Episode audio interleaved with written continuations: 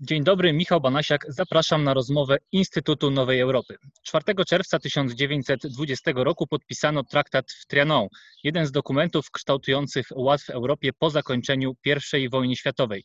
Postanowienia tego dokumentu i jego konsekwencje najboleśniej odczuli Węgrzy. Ten kraj utracił ponad 2 trzecie swojej powierzchni i blisko 2 trzecie liczby mieszkańców. Poza granicami Nowych Węgier znalazło się około 3,5 miliona osób, które uznawały siebie jako e, narodowość, e, uznawały swoją narodowość właśnie jako węgierską, a ich potomkowie do dziś mieszkają między innymi na terytoriach Rumunii, Serbii czy też Słowacji. Dlatego nie może dziwić, że temat traktatu w Trianon jest cały czas mocno obecny wśród Węgrów i co jakiś czas powraca też jako temat bieżącej polityki w tym kraju.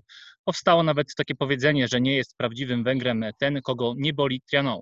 Natomiast w Polsce dosłownie przed chwilą, bo 1 czerwca ukazała się książka o wymownym tytule Węgierski syndrom Trianon autorstwa profesora Bogdana Góralczyka, sinologa, dyrektora Centrum Europejskiego Uniwersytetu Warszawskiego, a także, co w kontekście naszej dzisiejszej rozmowy najważniejsze, e, eksperta od polityki węgierskiej, który sam siebie określa jako hungarysta z zamiłowania. Dzień dobry, panie profesorze. Dzień dobry, długi ten wstęp, dziękuję. Długi wstęp, ale i temat wydaje się bardzo istotny i wydaje się, że jest dobra okazja ku temu, żeby troszeczkę go zgłębić, bo też mamy okrągłą setną rocznicę. Natomiast to, że my dziś rozmawiamy o, o Trianon, to nie znaczy, że Węgrzy też rozmawiają o Trianon tylko dlatego, bo mają setną rocznicę. Oni o tym dniu doskonale pamiętają co roku i oczywiście go nie świętują, bo świętować nie ma czego, ale go obchodzą. I na początek poproszę Pana o przybliżenie tego, w jaki sposób y, Węgrzy obchodzą ten dzień, jak o nim pamiętają. Na początek dam reklamówkę i trochę śmieszną, bo tak naprawdę to zajmuję się trzema państwami. Jestem Polakiem. Węgry są krajem mi najbliższym z wielu względów, a zawodowo zajmuję się Chinami.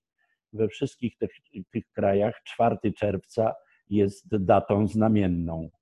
E, w Chinach e, Tiananmen, e, w Polsce wiadomo 80 też 9 rok, ta, ten sam dzień zresztą.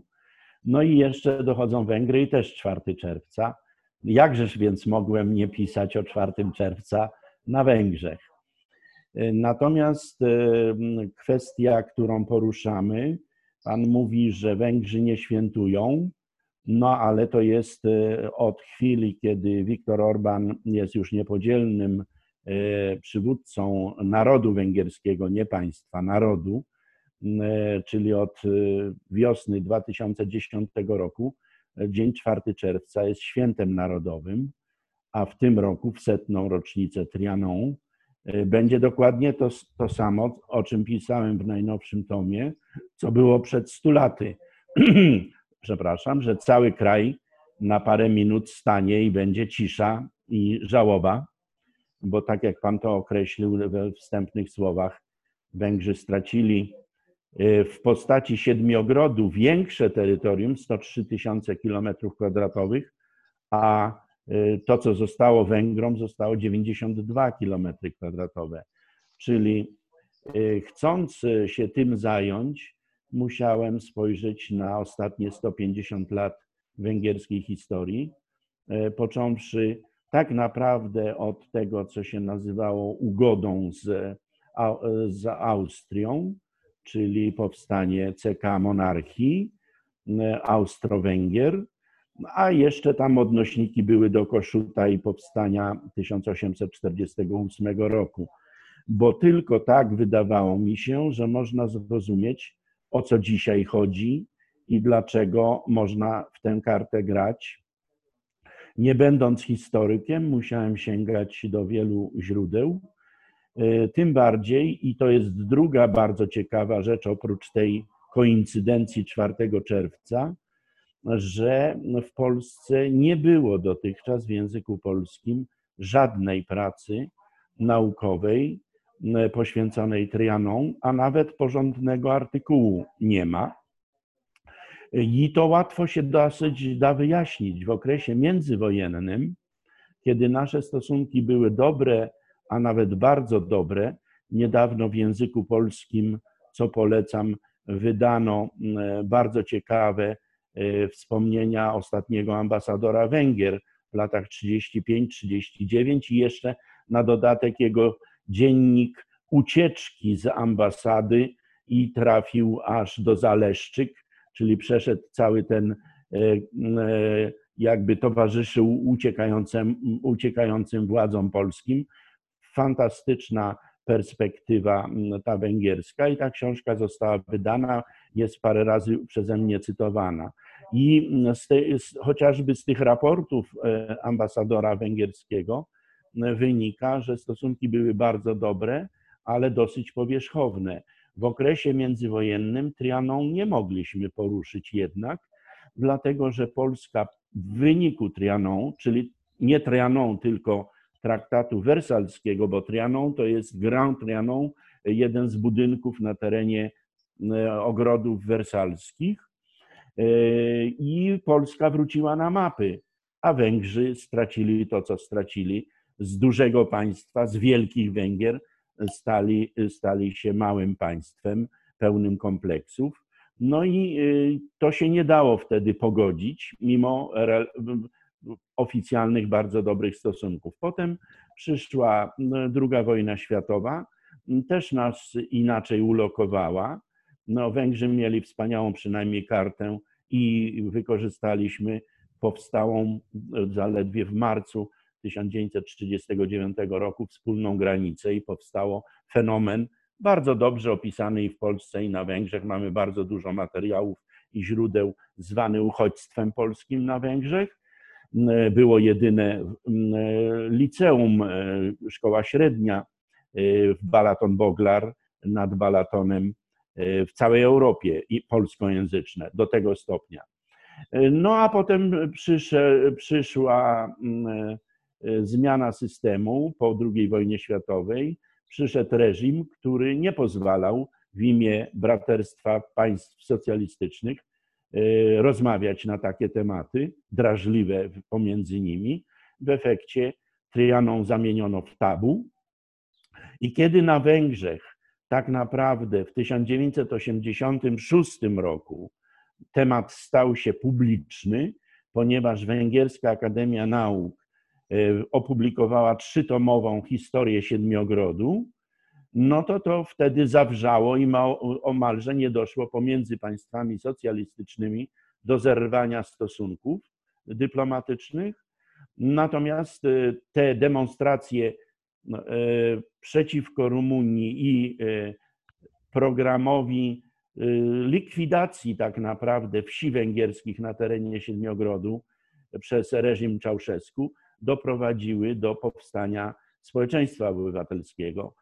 Więcej na, na terenie Węgier ten, to, to, przypomnienie tych historycznych wydarzeń, dlatego, bo chciałbym właśnie porozmawiać o tym, w jaki sposób to Trianon rezonuje y, dziś i rezonowało w ostatnich dekadach na relacje Węgrów z ich sąsiadami. Pan przywołał chociażby politykę, jaką e, prowadzili Rumuni wobec e, Węgrów, ale przecież nie musimy sięgać tak, da, tak daleko, bo w tamtym roku Węgrzy z okazji 4 czerwca, z okazji 99. rocznicy podpisania traktatu w mediach społecznościowych, na oficjalnych e, kontach e, związanych z administracją państwową publikowali mapy Wielkich Węgier, co oczywiście spotkało się z ogromnymi protestami, niezadowoleniem sąsiadów, przede wszystkim właśnie e, Rumunii, e, Słowacji i Serbii. Czy mm, Węgrzy robią to świadomie, jako taką prowokację, próbując w ten sposób gdzieś przywołać te resentymenty u swoich obywateli? Czy to jest taka świadoma polityka Viktora Orbana? Czy też to jest po prostu na zasadzie przypomnienia tego, jak Węgrzy, jak ten kraj wyglądał przed podpisaniem e, traktatu i nie mieli na celu tutaj żadnej e, takiej historycznej prowokacji? E, o prowokacji nie będę mówił, natomiast jest to bardzo świadoma polityka, czego dowodem fakt, że kiedy Viktor Orban wiosną 2010, już tę datę podawałem, e, doszedł do niepodzielnej władzy, ma konstytucyjną większość, mm, to na pierwszym dosłownie posiedzeniu parlamentu zrobił z dnia 4 czerwca Dzień Pojednania Narodowego i Święto Narodowe od tamtej pory, a równocześnie nadał Węgrom w diasporze czyli w Rumunii, w Serbii, w Rusi Zakarpackiej, na Słowacji, a nawet w Burgenlandzie czy w Chorwacji, prawa wyborcze. A wcześniej jeszcze była tak zwana Karta Węgra, która poprzedzała to, co jest w Polsce znane jako Karta Polaka. Dla Węgrów rozsianych w diasporze dano specjalne przywileje, również socjalne, żeby mogli przyjeżdżać na Węgry, żeby mogli studiować, pracować, a, a nawet y, otrzymywać świadczenia. I z tego później narodziły się prawa wyborcze. To była druga Zresztą decyzja. Viktor Orban pozwolił 2000... sobie na prowadzenie kampanii wyborczej w późniejszych latach, chociażby w Transylwanii. I teraz y, tutaj jest y, parę delikatności, o których zupełnie nie wiemy. Mianowicie y, w Transylwanii, których Węgrzy tak oczywiście nie nazywają, nazywają to Erdej, czyli Siedmiogród, nie, Sieben, nie Siebenbürgen. Tam mamy problem taki, że to było zawsze wymieszane tereny etniczne. I były co najmniej cztery podstawowe etnie, to znaczy byli Rumuni, byli Węgrzy, byli Sasi, y, czyli Niemcy, i byli Żydzi w późniejszych wiekach. Ale we, wewnątrz Węgrów jest jeszcze enklawa zwana Seklerami. Mało się o niej wie poza e, Węgrami. E, to są czyś, czyści Węgrzy, przepięknie mówiący starym węgierskim. Jest taki zabytek naj, najstarszy języka węgierskiego, odpowiednik Boga Rodzica Dziewica. Nazywa się O Mario Shirolom, Lament Maryi. I ja pamiętam, kiedy zaczynałem się jeszcze w latach 70., podejrzewam, tak patrząc na pańską fizjonomię, jeszcze pana rodzice nie planowali, a ja już się węgierskiego uczyłem, to ten O Maria Shirolom, to było dla mnie zdumiewające. Na płycie jeszcze takiej long playu, które teraz wracają długogrającej do mody, te, te long playe, wtedy ten tekst wygłaszała 80-letnia wieśniaczka seklerska spod Braszow, a Braszow to jest 950 kilometrów od Budapesztu, e, a Braszow jest może 200, 220 czy ileś kilometrów do Bukaresztu. I tam jest ta mm, milionowa, niespełna enklawa czystej węgierskości i to tam Viktor Orban do miejscowości Tusznat Fürdy po węgiersku, Bajle Tusznat, to taka miejscowość uzdrowiskowa w górach, bo to są węgierscy górale. I tam jeździ rok rok w, lipcu najczęściej i przed tamtejszą młodzieżą e, wygłasza swoje chyba najważniejsze przemówienie. To tam właśnie w 2014 roku Viktor Orban ogłosił, że buduje nieliberalną demokrację i to tam dwa lata temu ogłosił, że 30 lat temu E, chcieliśmy wszyscy tu w Europie Środkowej i Wschodniej iść do Europy, a teraz Europa powinna przyjść do nas, bo to my e, prezentujemy tę nową Europę i nowy nurt.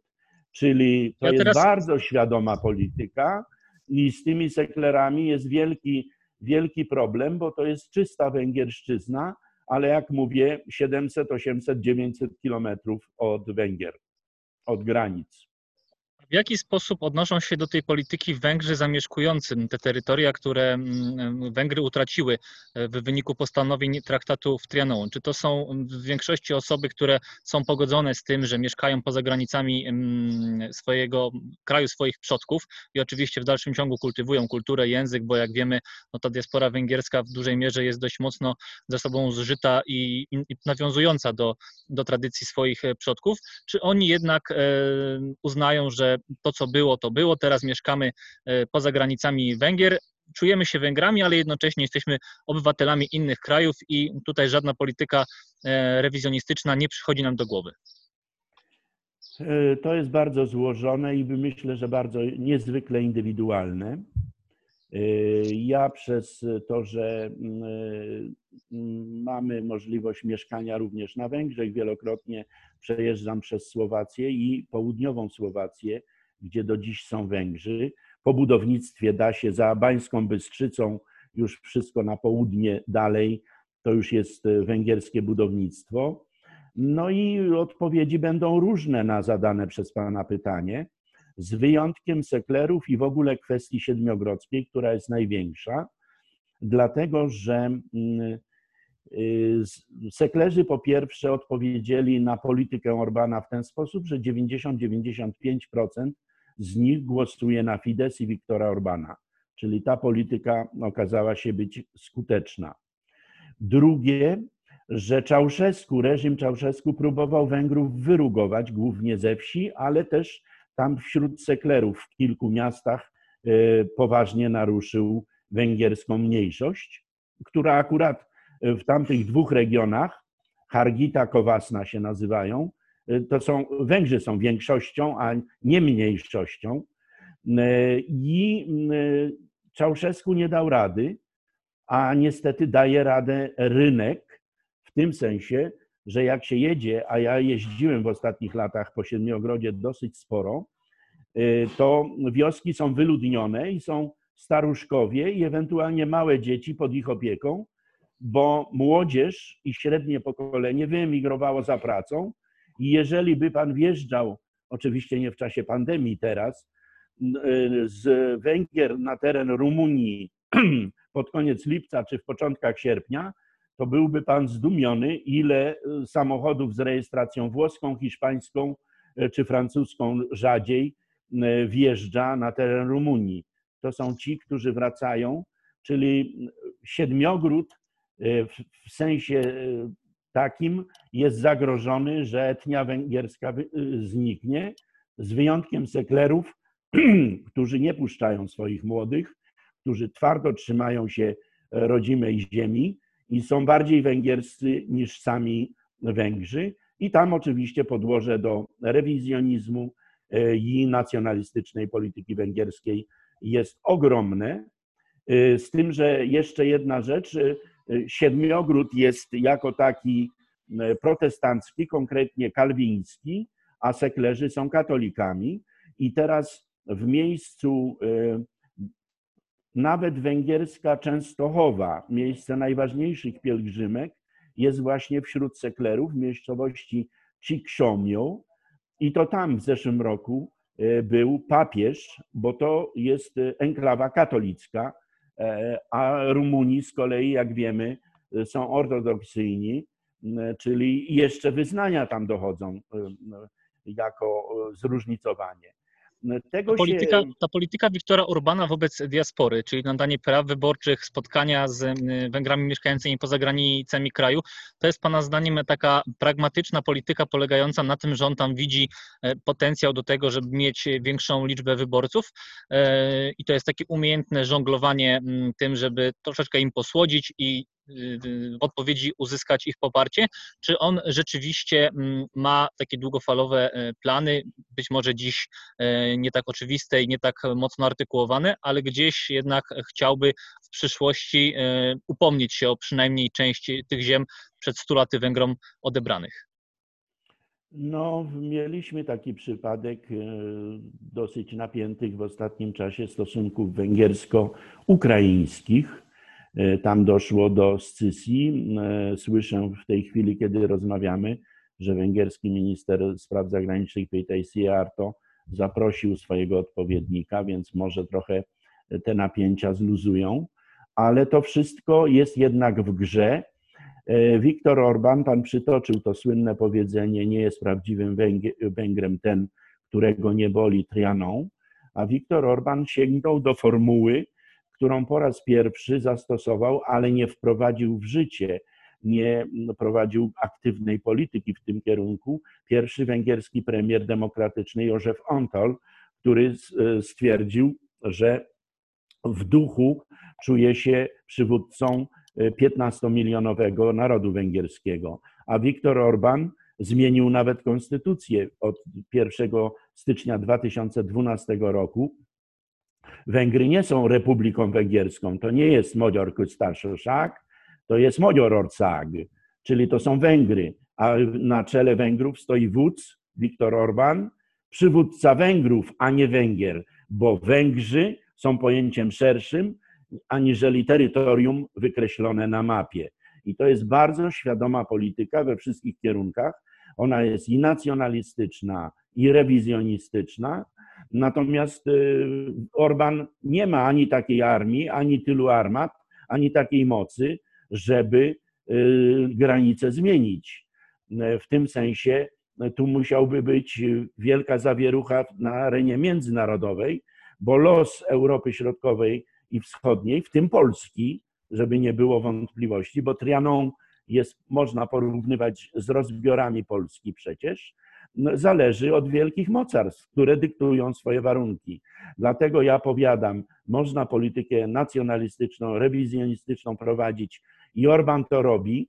E, niedawno pisałem taki tekst, który jest zresztą częścią również tej książki o Trianon, jak on przebudował plac Koszuta przed gmachem parlamentu węgierskiego, gdzie wrócił do epoki Hortiego. A w epoce Hortiego, czyli w latach 1920-1944, rewizjonizm był racją stanu. Nie było ważniejszej rzeczy niż e, chęć i potrzeba odzyskania ziem.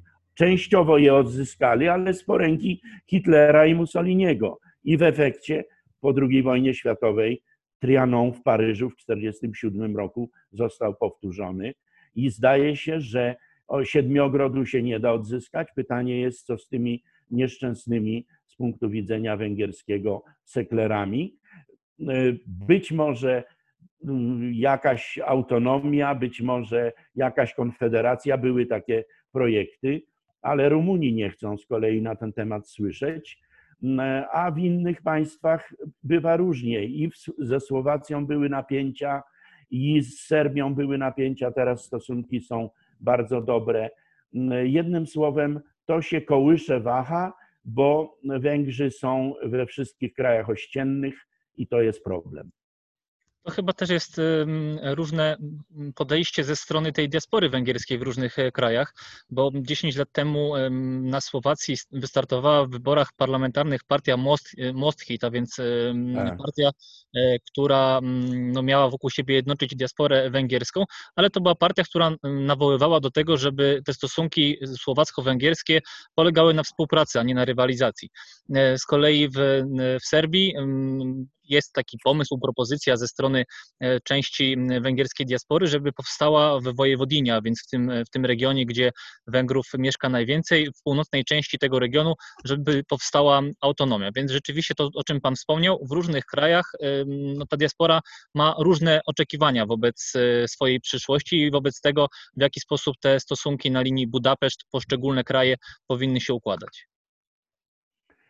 Te stosunki układają się tak jak kalejdoskop. Raz są lepsze, raz są gorsze. Na przykład w tej chwili, kiedy rozmawiamy, doskonałe są stosunki Wiktora Orbana e, z premierem Serbii, ponieważ e, mają podobne poglądy i na Unię Europejską, i współpracę z Chinami, i ze Stanami Zjednoczonymi, i są wzajemne wizyty, i jest świetnie.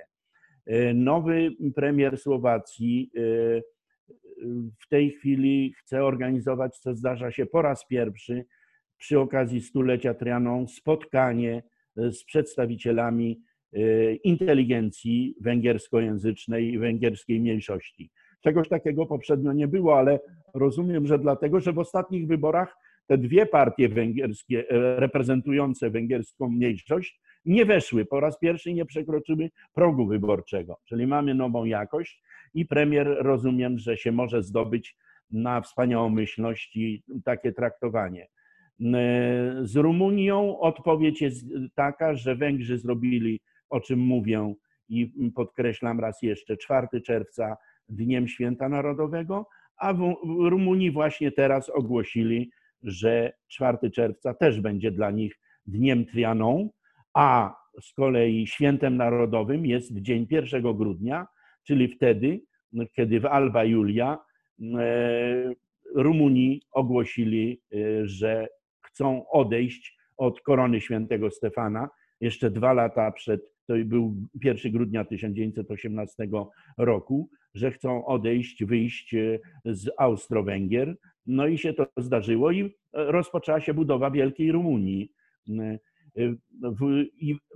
Efekt jest na przykład taki, wspomniałem tak mimochodem o tym, że w 1986 roku Węgierska Akademia Nauk wydała trzytomową historię Siedmiogrodu, co omalże wtedy nie zerwało stosunków. Natomiast Rumuni wydali, i to w języku angielskim, na te stulecie swojego pojmowania, czyli pod koniec 2018 roku, trzytomową historię y, Transylwanii, y, Siedmiogrodu, gdzie nawet mówią wprost, że Siedmiogród to jest ziemia rumuńska, co nigdy nie było prawdą, bo to była ziemia wielu narodów, wielu religii, wielu nacji, wielu tradycji, a drugie, że oprócz tych etnii, o których wspominałem, czyli Węgrów, Rumunów, y, Sasów, czyli Niemców i Żydów, że jeszcze według Rumunów są seklerzy. To jest próba świadoma separowania, że seklerzy są odrębną etnią aniżeli Węgrzy. No tego się E, Węgrowi się to nie mieści. Natomiast e, w latach 70., kiedy reżim Czałszewsku był najbardziej surowy, część inteligencji, głównie z Kolożwar, Klużnopoka, e, uciekła na Węgry. Oni byli pierwszymi emigrantami, bardzo widocznymi w węgierskich mediach, w życiu publicznym. Wśród nich był niejaki Gustaw Molnar, który w latach 90., kiedy pojawiła się teoria Francisa Fukuyamy o zderzeniu cywilizacji, nawiązując do niej, zaproponował raz jeszcze, bo były takie wcześniej propozycje, między innymi Lajosza Koszuta, żeby była konfederacja naddunajska. No i nie miał e, ten Gustaw Molnar, e, Węgier z Siedmiogrodu, nie miał jednak zrozumienia i nie znalazł partnerów, nawet po mówiących E, po węgiersku Rumunów. Książki takie w swoim tomie przytaczam, takie poglądy. Po prostu nie ma możliwości, żeby się to ułożyło. Może się ułożyć wewnątrz Unii Europejskiej, ale ona spowodowała zupełnie nowe zjawisko, o którym wspomniałem, że owszem, część młodzieży siedmiogrodzkiej poszła na Węgry, ale znacznie większa część z niej przez Węgry poszła jeszcze dalej na zachód. Powiedzieliśmy sobie trochę o tych wzajemnych relacjach, jeśli chodzi o, Węgry i sąsiadów. A jak sami obywatele Węgier, ci mieszkający na terytorium węgierskim, zapatrują się na tę politykę, którą e, prowadzi Viktor Orban i na, na całą tę sytuację związaną z tak zwanymi Wielkimi Węgrami? Bo wiem, że dostępne są różnego rodzaju pamiątki w postaci koszulek, w postaci naklejek, w postaci bryloczków z mapą tych wielkich Węgier, a więc tych Węgier sprzed roku 1920 tego. Natrafiłem też e, na mm, piosenki, e, które nawołują do mm, tych wydarzeń. Natomiast e, no, odniosłem takie wrażenie, że to nie są zbyt popularne gadżety, to nie jest, ta piosenka nie miała też w internecie zbyt wielu wyświetleń, również kampania społeczna przygotowywana z okazji stulecia Trianon no, nie cieszy się w internecie zbyt dużą popularnością, tych wyświetleń w internecie jest raptem po kilka tysięcy, jeśli chodzi o te klipy, klipy, które z jednej strony pokazują takie historyczne nawiązanie do tego, że Węgrzy zostali e, podzieleni tak jak e, mieszkali, tak e, z dnia na dzień sąsiad dla sąsiada stał się obywatelem innego kraju, czy też taki drugi klip, na którym Węgrzy z różnych miejsc, a więc z Rumunii, z Ukrainy, ze Słowacji jadą samochodami i spotykają się razem w jednym domu, pokazując to, o czym Pan wspomniał, że mamy taką jedną wielką węgierską rodzinę. Więc konkludując, czy to jest coś, o czym Węgrzy rozmawiają między sobą na co dzień, czy to jest rzeczywiście coś, co przebiło się do takiej świadomości e, węgierskiej na tyle, żeby Viktor Orban mógł na tym w przyszłości, w najbliższych latach budować tę swoją politykę i rzeczywiście pójść mocniej w tym kierunku rewizjonistycznym. E, przebiło się i to bardzo, dlatego że na Węgrzech media są zdominowane przez rząd i w tych mediach Wielkie Węgry odgrywają ogromną rolę. Rozmawiamy na dwa dni przed stuleciem. Y, koronawirus spowodował, że nie będzie takich uroczystości, jak planowano, ale trzeba to powiedzieć, że przed gmachem, przed frontonem parlamentu węgierskiego, czyli nie od strony tej najbardziej znanej z pocztówek od strony Dunaju, tylko vis-a-vis po przeciwległej stronie. Tam jest Aleja Olkotmań, czyli Aleja Konstytucji i ona wychodzi wprost na fronton główny i na jej styku Placu Koszuta i tej Alei Konstytucji wybudowano pomnik czy upamiętnienie jedności narodowej, gdzie wypisano wszystkie nazwy po węgiersku e, odczytane z mapy z 1913 roku. Zdaje się Jeżeli około 12 tysięcy miejscowości. Dokładnie, ponad nawet. I no to jest samo w sobie. I jeszcze jeżeli e, kto z naszych słuchaczy czy widzów był w Waszyngtonie i widział mol, e, ten między mauzoleum Lincolna i gmachem kongresu, to tam jest upamiętnienie wojny wietnamskiej. To wypisz, wymaluj podobne, podobny zabieg zastosowano w samym sercu Budapesztu. I teraz, jeżeli się przez ten 100-metrowej długości y, taki mur z tymi nazwami idzie w kierunku parlamentu, to po prawej stronie zobaczy pan flagę węgierską, a po lewej jakąś nieznaną, trzepoczącą i nie jest to Unia Europejska, tylko to jest flaga i to już od paru lat wisząca seklerów. E, w tym sensie to się wszystko przebudowało, wszystkie pomniki tam zostały zmienione na te z okresu e, Hortiego. Nawet Imre Nodia, bohatera 1956 roku, po cichu w nocy usunięto i wstawiono tam, w to miejsce, gdzie kiedyś stał pomnik Marksa i Engelsa. To, to, to, to, są rzeczy, które są czytane. Natomiast esencja odpowiedzi na Pańskie pytanie jest takie, że nie ma jednej kategorii Węgra. W Polsce to się da zrozumieć, bo my też jesteśmy niesamowicie politycznie spolaryzowani. Są co najmniej, tam są wiele różnych historycznych podziałów. Jeden z najważniejszych, o jakich zresztą w książce piszę, to jest Urbanuszok i Sznyjpieszek. Czyli Urbanuszok to ci mieszczanie z dużych miast, inteligencja najczęściej, i oni wśród nich, oni byli zawsze kosmopolityczni, otwarci na świat. Oni e, absolutnie idei Wielkich Węgier nie kupują i nie kupowali. Ale jest Nypieszek, czyli ludowcy, Viktor Orban, chłopak z ludu, co podkreśla, gra na nich i gra na lud. On dzieli społeczeństwo na elity i lud i uważa, że lud daje kartką wyborczą głosy, a elity można przestraszyć, kupić albo zignorować. I ta polityka y, trzykrotnie wygrał, zdecydowanie, okazuje, okazuje się być skuteczna.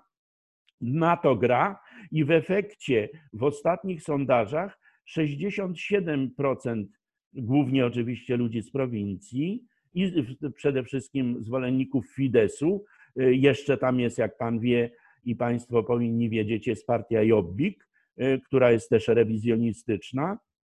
I to dalece Oni bardziej są niż, niż 60. Y, myślę, że już Fidesz skonsumował elektorat Jobbiku pod tym względem, począwszy od tej wielkiej fali uchodźców 2015 roku. Czyli mamy Urbanus Okiczny i Pieszek i teraz mamy jeszcze przedstawicieli diaspory, którzy są z natury rzeczy w większości rewizjonistyczni, bo chcieliby być w ścisłych związkach e, z Węgrami, e, czują się Węgrami, e, no z wyjątkiem dobrze wykształconych elit, które są bardziej internacjonalistyczne czy kosmopolityczne. Stąd inna śpiewka Wiktora Orbana w ostatnich latach uderzać w George'a Sorosza, jakby nie było urodzonego i wychowanego w Budapeszcie e, miliardera i wyprowadzenie go z Węgier jako e, przeciwnika głównego, głównego wroga e, demokracji nieliberalnej, bo Soros jest wcieleniem zła w postaci społeczeństwa otwartego. Czyli nie ma jednej odpowiedzi na zadane pytanie, jak Węgrzy reagują, natomiast sondaże po części wynikające z dominacji zdecydowanej Wiktora Orbana na scenie politycznej, bo on nie ma w tej chwili żadnej alternatywy dla niego. I nawet nie mówię jego partii, bo Peter Tölgesi, znakomity analityk węgierskiej sceny, powiedział, że Fidesz to taka partia, gdzie jeden mówi, a reszta stoi i klaszcze. I w ostatnich latach Viktor Orban nie tylko w partii, ale w całym narodzie węgierskim próbuje tę formułę stosować, po części skutecznie, jak wiemy. Spodziewa się Pan, że przy okazji tych obchodów e, stulecia podpisania traktatu w Trianon Viktor Orban wyśle jakiś sygnał właśnie do Węgrów mieszkających poza granicami e, kraju i do tych, którzy popierają te jego rewizjonistyczne zapędy, że wykorzysta te, te rocznice do tego, żeby tę swoją politykę, ten swój przekaz wzmocnić, czy raczej no, nie będzie chciał tutaj podpaść, e, tak jak to miało miejsce rok temu, swoim sąsiadom? I to będzie bardziej nie, takie przemówienie okolicznościowe, a nie polityczne. Całe to na, na, y, ryzykuję dużo, bo mówię na dwa dni przedtem. Wiem, że będzie wystąpienie Wiktora Orbana. Miało być wielkie, otwarte przed wielkimi tłumami ze względu na e, koronawirus. Nie wiem, jak to będzie ostatecznie wyglądało, no, ale jestem przekonany, że wyśle bardzo silny sygnał, że jest e, przywódcą, silnym, charyzmatycznym przywódcą całego narodu węgierskiego, a więc nie tylko Węgrów e, zamieszkałych na terytorium Węgier, po drugie, on już w 2011 roku, kiedy przy okazji Święta Narodowego 15 marca, wybuchu Wiosny Ludów, e, wygłosił takie słynne przemówienie Nemlesung Dormot, nie będziemy kolonią. E, więc e, absolutnie on znajdzie teraz jakieś silne hasło i przesłanie, że Węgry mają być znowu silne, bo to jest jego leitmotyw w ostatnich dwóch latach, z tym, że prezydent y, Ioannidis, y, prezydent Rumunii, kiedy on wystąpił z takimi tezami, y, natychmiast powiedział, że dla Rumunii ważniejsza jest Unia Europejska, a nie plany współpracy kreślone i wizje kreślone przez Viktora Orbana, które on przedstawia, bo nie jest do końca jasne, czy to nie jest z Węgrami w roli wiodącej. Węgry są też bardzo ostrożne, w przyjmowaniu polskich inicjatyw Trójmorza czy Międzymorza, jak y, raczej Trójmorza, bo taką w tej chwili forsujemy, no, no bo Węgrzy mają swoje koncepcje i niekoniecznie zbieżne to z tym, co się y, przedstawia w Warszawie. To jeszcze na koniec y, chciałbym wrócić do Pana nowej książki i zapytać, poprosić o takie krótkie podsumowanie tego tytułu. Węgierski syndrom Trianon. Co to oznacza? Że mamy państwo, które przez 50 lat było mocarstwem, czy częścią mocarstwa, że okres 1867-1914 jest pisany złotymi zgłoskami w historii Węgier. Budapeszt w tym czasie był najszybciej rozwijającym się miastem świata. Potem tę pozycję przejął w pierwszej dekadzie XX wieku niejaki Manhattan, czyli Nowy Jork. No i to budownictwo do dzisiaj widać. Kto zna Budapeszt, ten wie, że ono się na szczęście w dużej mierze ostało, że Węgrzy wtedy niestety popełnili jeden błąd, który łatwo popełnić, zadufania i prowadzili względem mniejszości wszystkich, e, czy słowiańskich, czy rumuńskich, e, również niestety wobec mniejszości żydowskiej, co się potem straszliwie pod koniec II wojny światowej odezwało w postaci węgierskiego Holokaustu, że Węgry prowadzili politykę madziaryzacji i za to zapłacili straszliwą cenę podziału państwa. E, czyli lekcja moja i mój wniosek z tego opisu e, syndromu Trianon, który tkwi, bo syndromem, esencją jest ta sentencja, od której Pan zaczął. Nie jest prawdziwym Węgrem ten, którego nie boli trianą. To jest istota tego syndromu. Natomiast e, na ten syndrom trzeba reagować raczej, powiedziałbym, elastycznie, bo jesteśmy małymi państwami, chociaż mieliśmy okresy chwały, czy to w Polsce e, w XVI-XV stuleciu, czy na Węgrzech w XIX stuleciu ale idea wielkiego państwa y, wiemy, że w naszym przypadku sprowadza się do małego państwa, a małe państwo powinno spełniać dwa podstawowe kryteria tutaj w Europie Środkowej i Wschodniej. Po pierwsze, mieć porządek w domu, dobrze pozamiatać i mieć porządek w domu. a jak jest, to każdy widzi. I drugie, patrzeć zawsze, co się wyłania z nowej konfiguracji sił. A teraz, podczas pandemii, kiedy rozmawiamy, właśnie się porządek światowy rekonfiguruje. Chiny się rosną w siłę, Amery Ameryka, Stany Zjednoczone, mimo że America First, to nie jest e, to pozycja już jednobiegunowa, jak była. Coś się tu zmienia i my powinniśmy się mieć doskonałą dyplomację, jak Rumunii, którzy w obydwu przypadkach wielkich konfliktów światowych byli po niewłaściwej stronie na początku konfliktów, a na koniec konfliktów znaleźli się po stronie wygranej i mają siedmiogród. A Węgrzy y, trzymali się swoich sojuszników, trzymali się rewizjonizmu, trzymali się madziaryzacji, trzymali się y, węgierskiego wielkiego narodu i mapy wielkich Węgier, no i mają to, co mają. Bardzo serdecznie dziękuję za tę rozmowę, za tę pigułkę wiedzy o traktacie w Trianon i o jego setnej rocznicy. Profesor Bogdan Góralczyk, sinolog, dyrektor Centrum Europejskiego Uniwersytetu Warszawskiego, a przede wszystkim, jak podkreślam, w kontekście tej rozmowy, hungarysta z zamiłowania, znawca polityki węgierskiej. Dziękuję raz jeszcze. Ja też dziękuję i zapraszam do lektury, bo jest co czytać. Dziękuję bardzo. Również się do tego polecenia e, przyłączam. Polecam e, tę lekturę w ciemno. Sam również z chęcią się z nią zapoznam, a wszystkich e, słuchaczy, widzów zapraszam również do odsłuchania i do czytania, do oglądania materiałów Instytutu Nowej Europy na naszym kanale YouTube'owym, na Spotify, a także na stronie www.ine.org.pl.